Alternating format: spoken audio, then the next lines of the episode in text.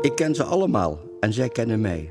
We hebben vaak naast elkaar gestaan, maar ook keihard tegenover elkaar. Mijn oud-vakbroeders. In mijn podcast Recht in de Ogen van ga ik met hen in gesprek. Bevraag ze over hun beroemdste zaken, de advocatuur, de georganiseerde misdaad of en wat er veranderd is de afgelopen jaren.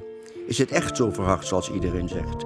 Maar ook de ups en de downs in hun privéleven laat ik niet onbesproken. Ik zoek ze op in hun kantoor of bij hun thuis. John, nog niet gezien, jongen. Niet gezien. Ga zitten. Ja. In mijn zo kantoor noemen. hè. Ja, prachtige stoelen ook. zeg. Ja. De kleur ook goed Mag zo. in het die kosten? John, goedemiddag. Wij tutoyeren elkaar. Hè? Zeker. Want we gaan 30 jaar terug. Langer, denk ik. Ik heb even hier in de auto onderweg naartoe zitten rekenen. Volgens mij is dat al bijna 33 jaar. Ja. En nog niks veranderd, hè? Nee, niks. Ni- geen, geen, geen dag ouder Niks geworden. meegemaakt ook. Nee, nee, niks. Saai leven. Ehm, ik ga nog verder terug, namelijk naar eh, de Tweede Wereldoorlog even Ja. met je. Ik heb begrepen dat je opa en de Ja. broer van je opa, die zijn verraden. Ja. Ehm, kun je daar een kort over vertellen? Ja, nou ja, Nederland was in oorlog. Eh, zij woonden allebei in Rotterdam, of in de regio Rotterdam. Eh, en ze werkten voor de Rotterdamse trammaatschappij, de RET. Eh, in ieder geval mijn opa. En eh, die hadden een verzetsgroep eh, opgericht. En nou, zij deden dus ja, clandestien werk. En werden uiteindelijk inderdaad verraden. Zijn in eerste instantie in kamp Vught terechtgekomen. En vervolgens ja, daar berecht en ter dood veroordeeld naar het Oranje Hotel gegaan, waar alle mensen werden opgesloten die, die eh, ja, in het verzet zaten Ja. en dus ter dood veroordeeld eh, moesten worden gebracht. En eh, zo ook zijn zij in de dodencel daar terechtgekomen. Ik heb nog de afscheidsbrief van mijn opa eigenlijk vrij recent eh, kunnen lezen. En eh, hij is op de Waalsdorpenvlakte, of zijn ze allebei gefuseerd. En, en verschrikkelijk, wanneer eh, hoorde jij daar voor het eerst van? Want veel mensen houden dat geheim of, of nabestaanden. Die... Nou ja, eh, volgens mij hebben we het daar wel eens over gehad. Dat eigenlijk als kinderen van, van oorlogsslachtoffers, wat zo kun je dan mijn moeder wel zien, want zij Ja. werd heel vroeg werd ze wees. Ja, daar werd eigenlijk thuis niet over gesproken. En eh, wij herda- herdachten wel trouw altijd op 4 mei. Eh, om acht uur de, de doden. Hè, dus dan was je twee minuten stil. En dan, eh, ja, dan barstte mijn moeder vaak in huilen uit. Ja. En twee minuten later eh droogden ze de tranen en ging ze weer door. En werd er met geen woord eigenlijk over gewisseld. Gek, hè? Ja. Ja. Ja, dit is wel een vaker voorkomend verschijnsel natuurlijk. Dat mensen daar niet over klappen dicht. Of, of, Ik denk dat de trauma's te groot waren. Nou ja, je hebt hetzelfde met jouw vader meegemaakt natuurlijk. Dat, dat uiteindelijk ja, het te veel moeite en te veel pijn en verdriet kost kennelijk om, om die herinneringen op te halen. En dat je daar je kinderen ook van eh, wil weghouden. Dus, Ja. dus mijn moeder heeft daar eigenlijk nooit zoveel over gesproken. En, en pas in een veel later stadium. Eigenlijk pas na haar overlijden heb ik ook allerlei dagboeken eh, gezien en gelezen. En heeft een familielid van ons die hele geschiedenis nageplozen. Ja, en dan is het wel heel, eh, Ja. heel heftig om te lezen, moet ik zeggen. wel mooi dat, dat, dat je het nog hebt, hè? Dat je de dagboeken ja. hebt. Nou, en bijvoorbeeld zijn afscheidsbrief. Ja. En dat vind ik wel heel bijzonder, want wat schreef hij in zijn... Hij had ook... eh, ik heb drie zoons en, en, en mijn opa had dus drie dochters. Ja.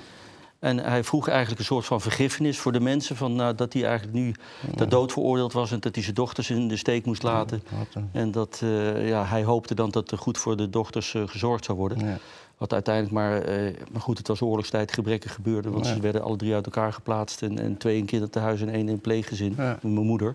Dus die hebben eh, echt een hele nare jeugd gehad. Ja, heftig. Mooie brief wel, als ik dat zo voorstel. Dan, Ja, dan, ik kippenvel van. Ehm, je bent opgegroeid zonder papa, zonder vader. Eh, Nou, de eerste Althans, twee dat jaren. heb ik gelezen. Ja, ja, de eerste twee jaren van mijn leven. En daarna is mijn, mijn stiefvader in beeld gekomen. En dat is eigenlijk je echte Dus, vader ja, zo beschouwde ik hem eh, wel. Hij is inmiddels overleden vorig jaar, jammer genoeg. Maar eh, dat was wel de, zeg maar de vaderpersoon in mijn leven. Ja. Ja, bijzonder. Ehm, ik heb genoteerd het programma Ontvoerd, Jacht op de Mokromafia, documentaire over de Zwarte Cobra, aanschuiven bij Boulevard, columns in de Telegraaf. Hoe gaat het met je? Waar, waar haal je de tijd vandaan? Ja, nou ja, goed. Ik, eh, dat is een eh, kwestie van goed eh, time management. Ja. Dus eh, ik heb een goede assistent die mijn agenda goed in de gaten houdt. Ja. Maar voor de rest is het gewoon ja, energie halen uit wat je leuk vindt. En daardoor, daardoor kun je dit soort dingen doen en kun je ook veel doen. Ja. Maar het is af en toe eh, wel pittig, ja. Ja. En, eh, Je, je, je nieuwe boek, eh, je verzamelde columns eigenlijk. ja, uit de Telegraaf. Hoezo? Ho hoezo is dat gekomen? Nou, dat, heb... je, dat je dus verzamelde? Hè? Ja, ik heb eigenlijk ook wel, wel zelf boeken geschreven. Ook een aantal met, met een collega. Bert Huisjes hebben we boeken geschreven. Ook over cliënten van jou. Ik zou eens even uh, moeten nadenken. ik weet het. Nou ja, onder andere over, over Bouters en Holleder ja. natuurlijk. Ja. Maar ik heb ook altijd wel om de twee, drie jaar zo'n columnboek uitgegeven. En uh, alleen nu was het best een tijd geleden. En toen vroeg de uitgever er eigenlijk om. En toen, heb ik, toen ben ik eens al die columns van zeven jaar terug gelezen tot op heden. Ja. En dan zie je eigenlijk wel gewoon een, uh, ja, rond die periode van 2017, hè, 2016, ja, dat er een soort van trendbreuk, een soort uh, kanteling uh, ontstaat. En dan is het eigenlijk wel heel interessant om terug te lezen hoe, de, hoe, hoe, geleidelijk dat dan gaat. Je kunt het als het ware teruglezen in je columns, denk ik. Hè? Ja, van, van, ja. Ik zal niet zeggen dat je toen nettere criminelen had, maar wel een ander soort criminelen. Ja, 2016 was echt de omslag van uh, zeg maar de polderpenose. Ja. Waar wij ons allemaal nog heel erg druk over maakten. En, en terecht, want ook dat was niet voor de poes allemaal wat er uh, gebeurde. Uh, maar uh, onder, de, onder de radar was ook wel een andere groep. Uh, in verhouding met vroeger, wat ik dan nu even voor 2017 noem. Het is een, een heel ander soort, noem het maar verdachte. Vind ik. Ja. Ja. En, en, en, ik ben uh, jouw oud-cliënt Holleder nog wel eens op straat tegengekomen. En, ik ook. Ja, ja jij ook. Ja. Maar, uh, maar jij was advocaat en, en ik was natuurlijk de vijand. Ja. Maar toch uh, gaven elkaar een handje ja. en stonden we met elkaar te praten. En nou ja, goed, zo, zo, ging dat, zo kon dat dan Ja, toch. ja. Ik denk als ik nu een aantal hoofdverdachten in, in de affaires waar ik nu over schrijf tegen zou komen, dat ik meteen door mijn knieën zou worden geschoten. Ja, ja. Nou, en, dat- en, dat- en dat is dan nog het meest gunstige geval. Ja. Goed Ja. dat je ze niet tegenkomt. Ja. Ehm, kan ik zeggen dat, je, dat het een soort therapie is? Dat, dat, want je, je- het is verschrikkelijk, die agenda van jou, denk ik. Werkt dat zo of, of zie, ik dat, zie ik dat te veel in? Ehm, Ook, therapie. ook, ook, ook gezien de, de, de, de situatie waarin je nu leeft. oh, hè? zo, ja. Dus Ja, dat, je, je moet ja. wel werken. Ja. Nou ja, eh, ik denk inderdaad dat op het moment dat je veel minder om handen zou hebben, dat je misschien gaat piekeren en dat je je eh, om allerlei dingen nog eens eh, extra zorgen gaat maken. Waarmee ik niet wil zeggen dat ik het gevoel heb dat ik vlucht in mijn werk. Nee. Ik vind mijn werk gewoon nog steeds hartstikke leuk. En ik zie overal kansen. En eh, eigenlijk vind ik het moeilijkste nog om, om ook dingen die ik leuk vind, om die te moeten afzeggen. Dus dan ben je al snel geneigd om, eh, om, om ja te zeggen. Eh, maar ik, ik snap wel de achterliggende gedachte van je vraag. Maar ik, nou, ik doe het toch nog vooral steeds omdat ik er plezier in heb. Ja. En, en het tweede is wel gewoon ook dat ik wil laten zien dat, ja, dat, dat het geen zin heeft om hele ernstige bedreigingen te gaan uiten. Want eh, ik ga gewoon door, Ja, klaar. natuurlijk. Eh, hoe ontspant de bekendste misdaadverslaggever van Nederland? Je hoeft niet alles te vertellen. Dan moet de camera eens even. Ja, ja, maar die gaan niet uit. Oh. Ehm, nou, ik, ik, ik hou van sporten, dus ik, eh, dat doe ik toch ook nog wel heel regelmatig. Eh, ik hou van eh, voetballen, dus, en dan met name passief eh, door er naar te kijken. Bij en af en toe PSV? wedstrijd, PSV, af en toe een wedstrijdje te bezoeken. Je hebt net toch wel eigenlijk Rotterdamse roots. Nou, het gekke, ik, ik ben toch in heel en- Nederland. En dan kom je bij die Brabo's terecht. Ja, ik ben geboren in Amsterdam. Ja. Want mijn, mijn moeder die, die, die, wilde snel uit huis en die werd dus vroeg moeder en die, die wilde naar Amsterdam. Dus ik ben daar geboren. Nou, toen leerde ze mijn stiefvader eh, kennen. Toen zijn we naar Eindhoven verhuisd. Ja, en dan- En ik ben eigenlijk opgegroeid in Eindhoven. Dus tot mijn achttiende heb ik daar gewoond. En ja, ik voel me toch ook wel voor een deel Brabander. Omdat waar je jeugd eh, is, daar heb je toch ook altijd wel een bepaald gevoel bij. Jij bent in Maastricht. Ik heb nooit wat met MVV gehad op een of andere manier. Willy Brokamp. We hebben die Brokamp, Ja, jij hebt bij Ajax gespeeld. Ja, dat klopt. Dat klopt. Ehm, Maar, maar heb, jij dat, eh, heb jij dat niet dan? Eh, heb je, want jij bent opgegroeid in Maastricht, maar ook wel op een gegeven moment op jongere leeftijd naar, Amsterdam, Amsterdam gegaan. gegaan, Ik voel me nu meer, ehm, ik voel me meer Noorderling nu, ja. Ja, Toch wel. Ehm, de advocatuur, hè? Ja. Eh, daar heb jij een mening over en die heb je ook vaak geuit, terecht. Hoe zie je het niveau van, de- laten we maar beperken tot de strafpleiters, want daar heb jij het meeste mee te maken. ja nou, eigenlijk heb ik eh, met, met 90% van de strafleiders heb ik een eh, uitstekende verstandhouding. En, en waardeer ik ook zeer wat zij doen. En zie ik ook met hoeveel betrokkenheid en eh, inzet en passie zij hun werk onder moeilijke omstandigheden vaak doen. Ehm, dan heb je een, een groep advocaten die zeg maar de, de, de top vormt en ook de top van de onderwereld bijstaat. Ja. daar heb je soms wat meer gespannen verstandhoudingen van. En, en dat is dan niet omdat jij hier tegenover me zit, maar wij, ik heb soms de meest vreselijke dingen over cliënten bij jou geschreven. Maar wij konden toch privé en, en op een persoonlijke manier met elkaar blijven communiceren. Sterker, je hebt ook wel eens iets heel naars over mij geschreven, maar dat is zakelijk. En, en, en het heeft mij niet ervan weerhouden om jou goeiedag te zeggen. Dus. Ja. Ja, nou ja, we hebben best wel pittig. Ik kan me één situatie nog goed herinneren. En toen zat ik in uh, Brazilië en toen had ik net eigenlijk een, een soort van kroongetuige... of uh, na de hand werd hij een be beschermde, bedreigde ja. getuige... tegen DC Bouters geïnterviewd. En ik moest natuurlijk in het kader van hoor en wederhoor... moest ik jou gaan bellen. Ja, dus jij belt me uit dus Brazilië? Jij, ik bel je uit Brazilië. En we hebben geloof ik drie kwartier aan de telefoon gezeten. En jij probeerde me maar te overtuigen om dat verhaal vooral niet te brengen. En, dus ik heb dat keurig aangehoord en, en ook het, het commentaar weergegeven ja. bij het artikel... Maar we hebben daarna nooit enige animositeit gehad, nee. omdat we gewoon allebei ons werk deden. Ja. Nou, die, dat onderscheid tussen het persoonlijke en het zakelijke, dat, daar zijn niet alle advocaten even goed in om dat ja. zeg maar, te onderscheiden. Dat is een beetje vervaagd. Ja, en dan ontstaan er soms hele narige verstandhoudingen. En ja, dat is dan jammer, maar het zij zo. Ik maak me wel zorgen over het feit wat uh, wat, wat je nu bijvoorbeeld zo, rond zo'n whisky ziet. Uh, daar wilde ik je naar vragen. Okay. Hoe, die hele kwestie, heb je ja. daar een mening over? Ja, ik heb daar wel een mening over. Ik, ik vind het uh, zorgelijk dat als, als waar is wat, wat lijkt, wat gesuggereerd is, wat overigens nog niet bewezen is, maar dat zij zo onder druk stond van haar eigen cliëntelen dat ze uiteindelijk misschien over bepaalde grenzen is gegaan. Dat zou ik wel heel erg vinden. Maar, maar jij gaat er wel voetstoots van uit dat ze onder druk stond. Want je hebt nee, nee, mensen... want ik, ik formuleerde, dacht ik zo, dat het is nog niet bewezen. En, uh... Ja, het is niet bewezen. Nee. De, de, strafbare feiten bedacht ik dat jullie ja. bedoelen. Maar... Ja. Oh, het onder druk staan. Ja, ja dat haal ik er even ja, uit. Daar heb, ik wel, daar heb ik wel bepaalde aanwijzingen voor. Okay. Dat, dat, dat, dat is, zo, voor mij is dat niet, want iedereen lult erover. Alleen ja. jij weet waar je over praat. Ja.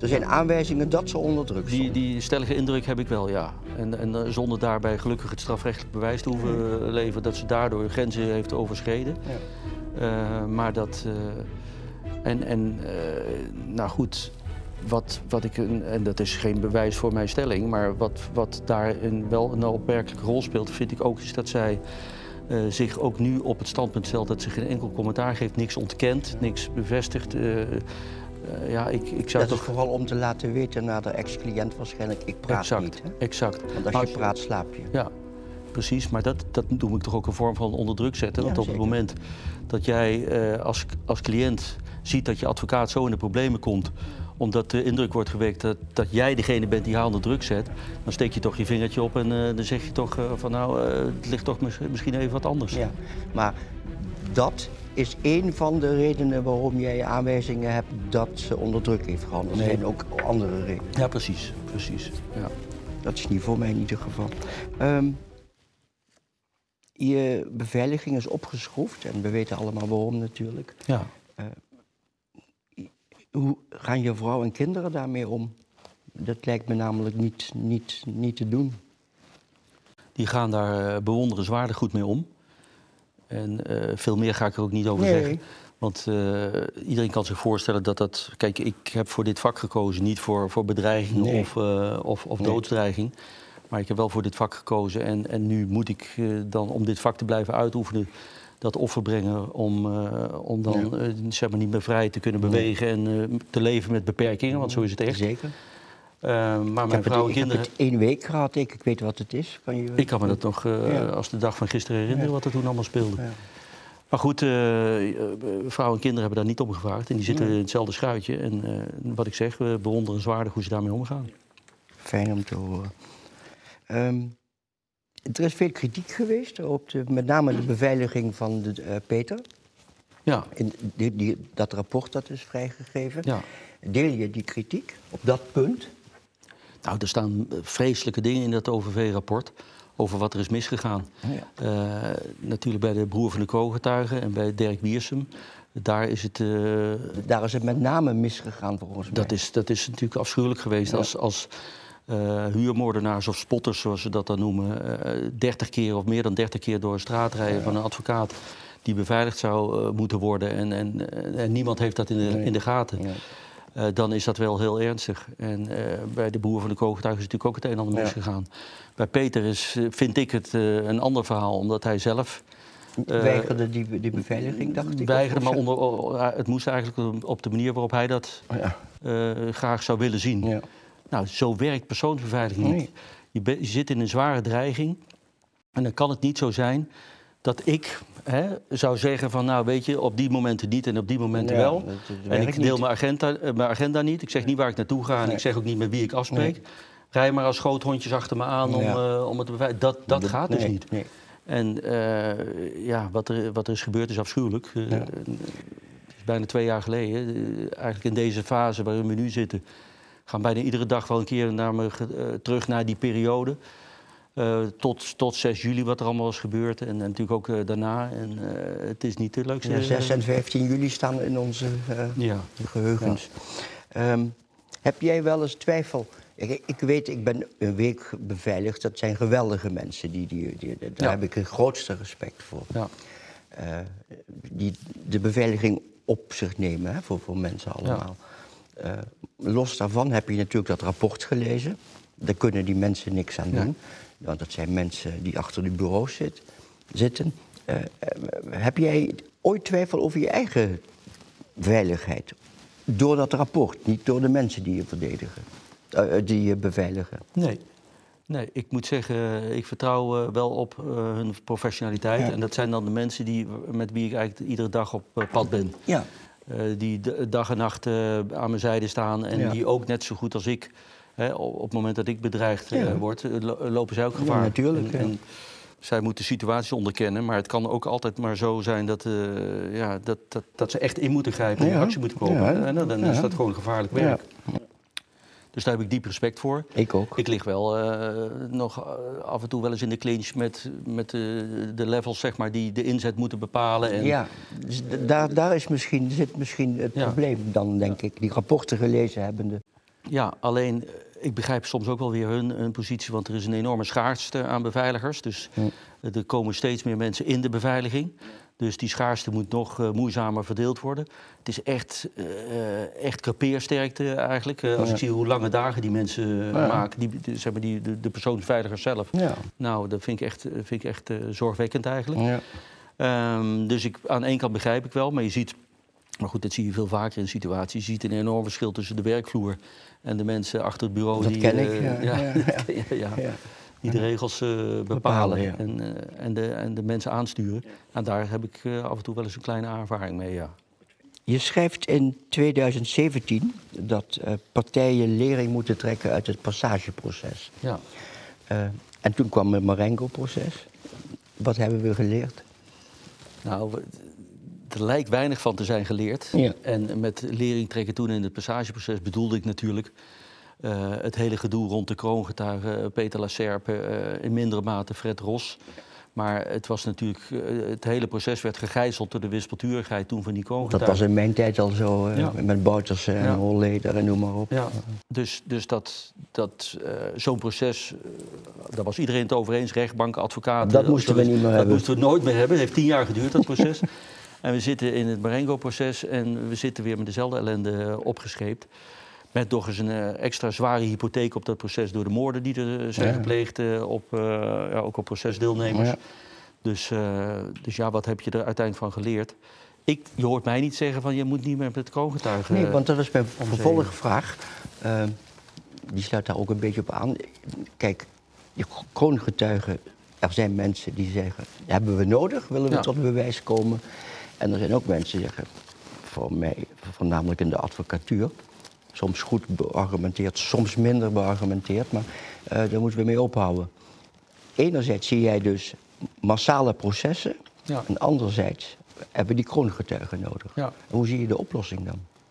Nou, ik, ik vind dat je ze keihard nodig hebt. En eh, de wettelijke mogelijkheden zijn er. Eh, het is ook aangetoond dat je met behulp van kroongetuigen eh, soms hele nare, vervelende, verdrietige, heftige zaken kunt oplossen. Ik moet er niet aan denken als, eh, als een Nabil B.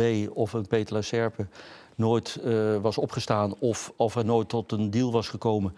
Dan was dat moorden gewoon doorgegaan. Daar ben ik echt oprecht van overtuigd. Zowel in de periode van het passageproces als nu bij het Marengo-proces. Mhm. Dus in feite in mijn optiek heb je als overheid bijna geen keus dat als het wettelijk mogelijk is Mhm. om zo'n deal te sluiten. Alleen, eh, ik, eh, ja, ik snap ook aan de andere kant eh, wel het dilemma. En dat zien we ook heel veel in Italië natuurlijk. Dat je sluit als overheid een verbond met iemand die bloed aan zijn handen heeft. Ja. En die de meest verschrikkelijke dingen ook heeft uitgevoerd. Vaak opportunistisch is en het om, om geld doet of om andere redenen. Maar maakt hem dat per definitie onbetrouwbaar. Nee. Dus Het motief hoeft niet altijd beleidend te zijn bij zo'n vent natuurlijk. nee. Want hij kan wel de waarheid zeggen. Nou, ik zal het je sterker zeggen. Eh, ik heb ook met, met informanten, met tipgevers te maken. Van wie ik soms aanvoel van ja, zijn die redenen dat ze nu met mij gaan praten nou wel zo kosher? Hoeft niet. Eh, nee, eh, maar het gaat mij erom, vertellen ze de waarheid. Is het, het, is het traceerbaar hè? of is het te verifiëren? Ja. En op het moment dat dan informatie klopt, ja, dan gebruik ik dat ook als journalist. En dat gaat minder ver dan, dan een kogeltuigregeling. Ik stuur hem niet naar een, naar een eh, safehouse ergens in het Caribisch gebied. Want zover gaat het natuurlijk met kogeltuigen wel. Eh, en ik doe ook geen betalingen of, of andere Nee. toezeggingen. Maar, maar goed, eh, in zekere zin is te vergelijken. Duidelijk. Je hebt bij de politie gewerkt in de jaren tachtig. Ja. Eh, hoe was dat? hoe was politieman? Jij begint meteen te lachen. ja, ja, ik zie je niet. Ik, ik zie je zo niet. In, in uniform en zo. Jawel hoor. Oh ja, ik heb daar een leuke Heb je tijd gehad. uniform nog? Nee, nee. Nee, dat moet je inleveren als je ontslag neemt. Dus eh, dat moet je allemaal teruggeven. Nee, ik heb daar een leuke tijd gehad. Ik was 18 jaar, ik was het spuurzat in, eh, in Eindhoven. Ik heb de HAVO gedaan en ik, ik was niet zo'n studiebol.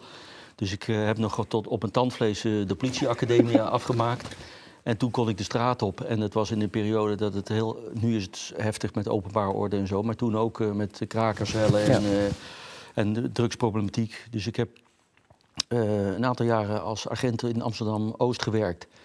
Daarna ben ik eh, bij Klaas Wilting eh, gaan werken, het stafbureau voorlichting. en Ben je wel bekend? Jouw eh, grote vriend. Ehm alhoewel, jullie zijn toch wel weer redelijk met elkaar. ik was het bijna nooit met Nee. eens zakelijk. Nee. Maar dat, ik heb wel eens koffie gedronken. ook. Ja. Ehm, en daarna ben ik eh pseudokoop gaan doen, dus Ja. undercover werk gaan doen. Ja. Dus ik heb, ik heb negen jaar bij de politie gewerkt, bijna tien. Eh, ik heb een leuke tijd gehad, goede vrienden aan overgehouden. De, mijn beste vrienden zijn nog steeds degene met wie ik toen in de... Zitten bij de politie? Die- nou, niet meer, Nee? maar die, die, die zaten toen bij mij in de klas. En eh, we hebben toen zoveel dingen meegemaakt, dat, schept een band voor het leven. Ja, dat geloof ik wel. Ja. Mick van Wely en jij Ja. hebben, vind ik, maar dat- ik ruim mijn mening in voor een andere, de zaak Borsato aangezwengeld. Mag je dat zeggen? Ja, hè? Eh, wij hebben dat denk ik, eh, als je dan even sommige juice-kanalen achterwege Ja. denk ik dat wij, want daar gingen al geruchten en verhalen op die kanalen. eh, ik weet nog dat ik toen op een gegeven moment het verwijt kreeg van een van die kanalen dat ik Marco Borsato boven de, de hand boven het hoofd hield, want dat Oh, was dat een. RTL-vriendje van me en ik, ik, had er toen nog niks over geschreven. En men suggereerde, hij, hij is op de hoogte, maar hij doet er niks mee Nee. omdat hij zijn vriendje de hand boven Ja. de hoofd. Terwijl ik volop bezig was Ja. Toen met eh, onderzoeken van wat, wat ligt er nou eigenlijk. En in, eh, in iedere zaak eigenlijk, maar in zedenzaken moet je juist extra voorzichtig en zorgvuldig zijn. En ook niet alleen blind varen op, eh, op één op één niet te traceren verhaal. Dus ik vind dat wij dat hebben gedaan. En uiteindelijk hebben wij ook, ook ons op het standpunt gesteld... we gaan pas iets publiceren op het moment dat er een, ook aangifte wordt gedaan. Maar die aangifte dan ook in behandeling wordt genomen. Dus dan ga je alweer een stap verder, want iedereen, iedereen kan aangifte doen. Dat weet ik, Maar, belachelijk. maar, maar heel veel aangiftes, zeker in zedenzaken, gaan Ja. meteen in de bureaula... Ja. omdat ze gewoon eh, Ja. Mhm. ja, er onvoldoende grond is om het verder te onderzoeken. Dat gebeurde hier niet. En toen hebben we gezegd, eh, we gaan het brengen. Heb je er spijt van? De manier waarop je het gebracht hebt. Nee, ik heb er eh, geen spijt van. Ik heb eh, me heel goed vanaf dag één gerealiseerd wat voor een impact dat zou hebben. Daarom vraag ik. Ja. Ja. En eh, ik kende en ken eh, Marco Borsato. Ik ken ook zijn toenmalige echtgenoot. En we hebben elkaar wel eens ook op, op vakantie ontmoet. Dus dat maakt het nog eens extra moeilijk om dan dat te publiceren. Maar ik heb, in, maar dat, dat heb ik ook in eh, andere gevallen wel meegemaakt, besloten om in dit geval eh, de lezing van het slachtoffer, vermeend slachtoffer moet ik nog steeds zeggen, te volgen en te onderzoeken en eh, haar verhaal en haar belang te stellen dan boven het belang van, van het stilzwijgen en het niet melden, Ja. omdat het heel vervelend zou zijn voor Marco Borsato. Ja. Ehm, de naam viel al Mick van Wely. Ja. die kwam later zelf in. Ja. Ja, hoe zeg je dat? De opspraak, hè? Ja, er waren collega's van hem die, eh, en ook mijn collega's, die over, vrouwelijke collega's, die over hem hadden geklaagd. Ja. Eh, dat is eigenlijk een langzame dood gestorven. Vind ik zelf. Als je het Eh, vergelijkt nou, met. voor, hem, voor hem in ieder geval zeker niet. En voor die, voor, die, voor die dames in kwestie ook niet. Daar is natuurlijk achter de schermen heel veel gebeurd. Alleen het grote verschil is dat dit geen eh, strafrechtelijke feiten waren. En, en er ook geen aangifte is gedaan. En het eh, in de bejegening zat, eh, wat, wat vergaand was. En eh, daar heeft uiteindelijk de werkgever zijn verantwoording eh, genomen door hem te schorsen. Intern is daar wel over. Ja, hij is geschorst. Hij eh, heeft verplicht een, eh, een, een, eh, training of een cursus moet, heeft zich moeten laten behandelen. Eh, er zijn allerlei eh, gesprekken geweest. dus het is niet zo dat het even zo Nee, van tafel werd geveegd en, eh, en dat is het dan. Nee, absoluut niet. Ehm, je hebt er ooit gezegd, ik weet niet meer wanneer, dat je het gebruik van verdovende middelen moet aanpakken, waardoor eigenlijk het probleem van, van, van, van de, ja, hoe noem je dat, de criminaliteit die daarmee gepaard gaat, dat je die moet ja, reduceren eigenlijk. Ja. Hè? Dus eh, kun je eens uitleggen voor de luisteraar en de kijker wat je daarmee bedoelt? Ik begrijp dat wel. Ja. Maar... Nou, ik maak me zorgen over het normaliseren van drugsgebruik onder jongeren met name. Kijk, er is een hele categorie, eh, laten we zeggen, Oude eh, ouderen die dat gewoon doen. En ook vaak problemen daarmee hebben, maar er zijn er ook die daar dan kennelijk geen problemen mee hebben, Ja. die het ook kunnen betalen. Nou, goed. Maar ik, ik heb het echt over de groep van 15, 16, 17 jaar die nu opgroeit. Met het idee van, nou, het is gewoon heel normaal als je Nou ja. in een, in een discotheek eh, je kloten voelt of, of dronken bent en je wil weer Dat hoor je steeds vaker inderdaad. ja, dan wordt er eventjes eh, eh, een snuif kook genomen en dan gaat het wel weer. En we zitten in een situatie dat je momenteel op het moment dat je tegelijkertijd een pizza bestelt of een pakje kook, dan heb je sneller de koken in huis dan de pizza.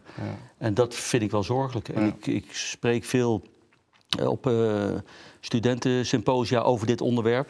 En studenten zelf maken zich zorgen over hun eh, eigen cocaïnegebruik. Dat vind ik ook wel bijzonder. Dat, dat vind ik wel een positieve ontwikkeling, dat Ja. ze zichzelf zorgen maken. Ja. Dus, dus ik zeg daarbij ook altijd, A, is het natuurlijk gewoon eh, slecht. Want eh, ik, eh, ik denk dat we daar niet heel veel discussie over hoeven te voeren. Om het te gebruiken. Dus het is ook een kwestie van, gewoon van gezondheid en Volksgezondheid, volksgezondheid. Eh, maar daarnaast is het ook zo dat je kunt wel klagen over criminaliteit in, eh, in Nederland en, en geweld. En, en Peter die wordt vermoord, of Dirk Wiersen wordt vermoord. Maar als je volgens het weekend erop weer je neus staat vol te Ja. douwen, is dat ook een beetje hypocriet. Ja. En dus dat, dat mag je wel benoemen, vind ik.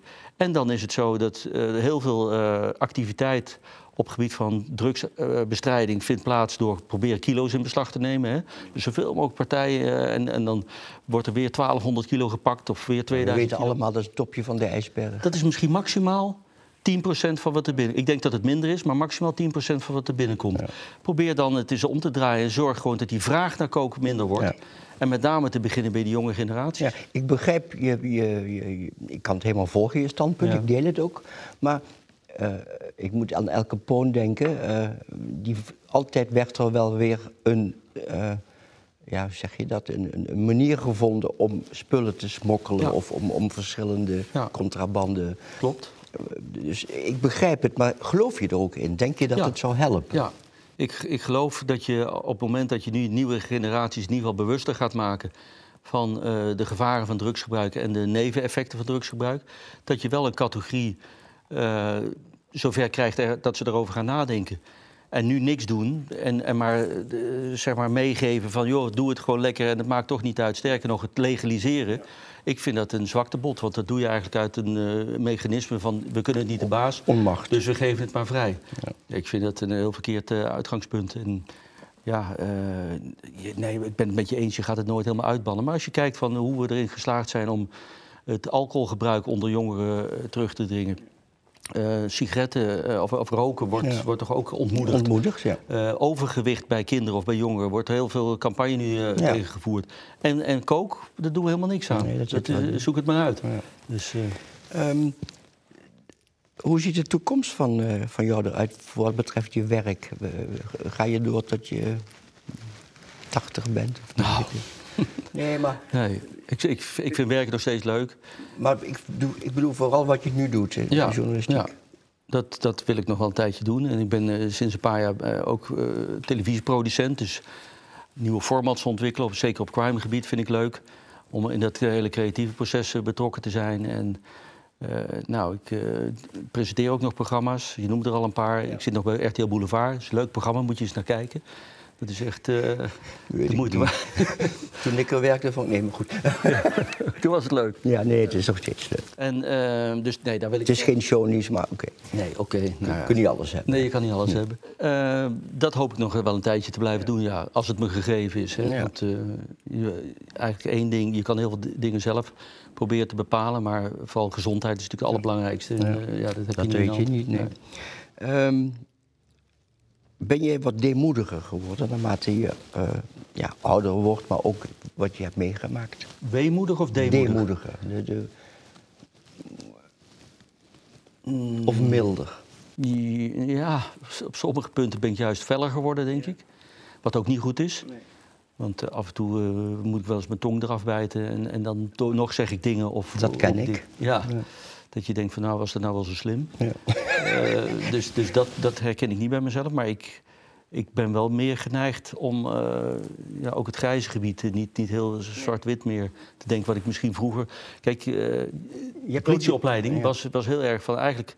De mensen bij de politie waren goed en alles wat daar buiten werkte was eigenlijk al verdacht. Ja. Dus het was heel zwart-wit. Dat heb ik aan je gemerkt, altijd nee. Nee, maar ik kom wel. Ik kom ja. wel eh, maar ik, ik heb ook wel gesprekken met jou daarover gehad. En ook wel met, met je vader. Jullie hebben wel, eh, en eh, met jullie ook andere advocaten, gewoon laten zien dat er natuurlijk. En ook na de hand in de journalistiek heb ik dat wel geleerd. Dat er altijd een andere kant. Ja, andere ja. kant ook van het Ja. verhaal. Je bent 60, als ik het word. Ik zal dat niet te hard Nee. zeggen. 60. Ehm, heeft het leven je gebracht tot nu toe, want je hebt, je, je hebt nog 60 jaar, maar heeft het leven je gebracht? Nou, daar zou ik voor tekenen als je dat later zo zou zeggen. Ik heb wel. eh, In de ruimte zin. Ik heb niet ja. alleen over je werk, hè, maar gewoon ben je gelukkig. Ja, ik heb wel eh, veel dromen waargemaakt. Ja. En, en, en dan bedoel ik dan, eh, nou ja, goed, dat ik, ik ben eigenlijk echt met, met niks begonnen. We hadden het vroeger echt niet breed. En, nou, en als ik nu zie hoe, hoe eh, zeg ik mijn kinderen heb kunnen opvoeden en ook eh, in, in eh, materieel heb kunnen helpen met allerlei Ja. dingen, met een huis kopen, met, met allerlei andere zaken.